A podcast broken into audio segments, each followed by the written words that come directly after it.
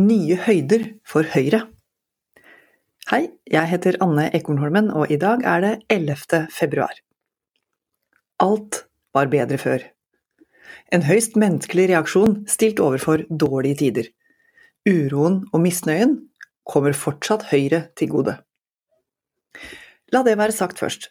Både Høyre og regjeringspartiene Senterpartiet og Arbeiderpartiet går fram på den siste målinga for Nordfakta for Nasjonen og Klassekampen.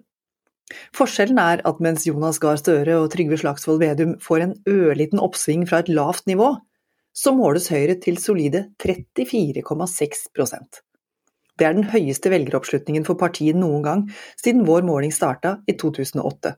Det er også utafor feilmarginen.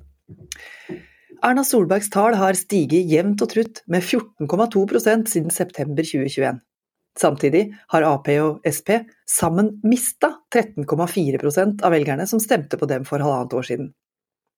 Støre kan finne en viss trøst i at Arbeiderpartiet her får 21% oppslutning hos velgerne, mot 19,1 på forrige måling. Det er det høyeste siden august i fjor. Og om Senterpartiet fortsatt kaver i båndsjiktet, så kan 5,4% være en ørliten pause fra dårlige nyheter, målt mot dramatisk lave 4,5 i januar.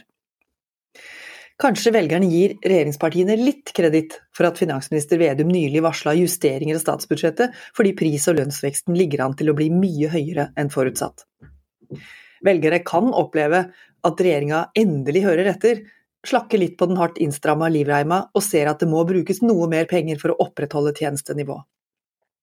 Vi må unngå at virksomhetene må kuttes, sa Vedum, og pekte på politi, sykehus, skoler og andre offentlige virksomheter samt tilskudd til bedrifter og organisasjoner og overføringer til folk, som barnetrygd. Allikevel mister Senterpartiet mange velgere til Høyre, 13% Resten går til Ap, Frp, andre småpartier, Rødt, Venstre og SV. 20% av dem som stemte Arbeiderpartiet veit nå ikke hva de ville stemt. 18% ville valgt Høyre. At også hele 26% av Senterpartiets illojale velgere hopper opp på gjerdet, betyr at de to regjeringspartiene har stort mobiliseringspotensial. Det er tross alt kommunevalget om sju måneder som er neste reelle rundingsbøye for Støre-regjeringa. På Kantars kommunemåling for TV 2 denne uka, så har Ap en oppslutning på 20,2 og Senterpartiet 10,2. Altså vesentlig bedre enn de ligger an på nasjonalt nivå. Med en velgerlojalitet på 82% så ser det ut som at Høyre i større grad allerede er fullmobilisert og har færre velgere å hente. Det blir en lokalvalgkamp der mye står på spill, med helsevesen, kommuneøkonomi og kraftutbygging som sentrale temaer. Per nå er de ordførersterke regjeringspartiene best posisjonert blant folk i Nord-Norge og Trøndelag, mens Høyre har et kraftig grep om Østlandets velgere på vår måling. At et i utgangspunktet kapitalsterkt næringsliv, bekymra for strømpriser og skattetrykk, søker tilflukt hos Høyre, er ikke veldig overraskende. Ikke desto mindre er det alvorlig for Ap og Sp. At også de svakest stilte mangler tillit til at de rød-grønne makter å lose dem og landet trygt igjennom urolig farvann, det vekker åpenbart uro i regjeringskvartalet. Samtidig må Senterpartiet håndtere egne ordførere med sterke innvendinger mot regjeringas håndtering av strømpriskrise, kraftkabler, vann og vindkraft. Og Arbeiderpartiet tvinges stadig til å ha Trond Giske og Nidaros sosialdemokratiske forum høyt på den mentale agendaen. Samarbeidspartner SV går på en baksmell i denne målinga, rett etter at Kirsti Bergstø er lansert som ny leder. Et fall fra 9,4 til 6,9 er utafor feilmarginen.